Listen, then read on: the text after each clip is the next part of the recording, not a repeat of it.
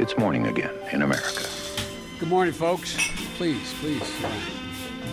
Come on, let's go. Let's go get some coffee. Thank you very much. God morgen, det er torsdag 9. november, og morgenkaffen fra amerikanskpolitikk.no er servert. I dag er det ett år siden amerikanerne våknet opp med Donald Trump som deres nyvalgte president, og hans partifeller jobber nå og gjør det de kan for å få til en skattereform på nokså kort tid. Og i går kom det nye detaljer som kompliserer bildet noe for mange av de som støtter eh, reformen.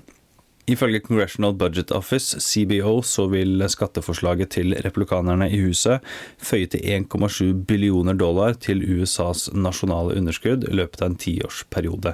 Eh, og det må da trekkes fram at republikanere, så lenge Barack Obama var president i alle fall, så var de motstand og kjempet imot ting som ville øke USAs nasjonale gjeld. Tonen er noen annen nå med Trump som eh, president. Eh, I går kom det også noen tall fra Tax Policy Center som har sett nærmere på skatteforslaget til republikanerne i huset. Eh, ifølge dem så vil da 7% av amerikanere betale mer i skatter neste år, mens 25% vil betale mer innen ti år. Så det her er da eh, noe som eh, kompliserer eh, reformforslaget noe, men så må det samtidig nevnes at replikanerne har formulert dette innenfor rammer som innebærer at de da kan få godkjent det her i Senatet med et simpelt flertall. Men så gjenstår det også da å se hva Senatet tenker å gjøre her. De har enda ikke kommet fram med sin plan, som egentlig skulle bli publisert i dag på torsdag.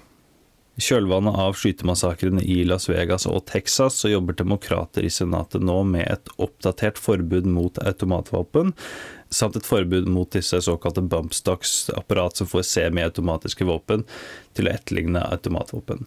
Det er da rundt 20 demokrater, ledet av senator Dianne Feinstein fra California, som introduserte lovgivning i går som vil forby dette.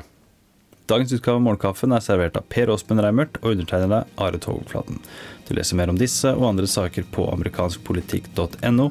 Du finner Morgenkaffen og Ampullkast i Spotify, iTunes og andre podkast-apper. Hyggelig om du hører spesialutgaven av Ampullkast ett år etter valget, som nå ligger ute. Og så snakkes vi i morgen.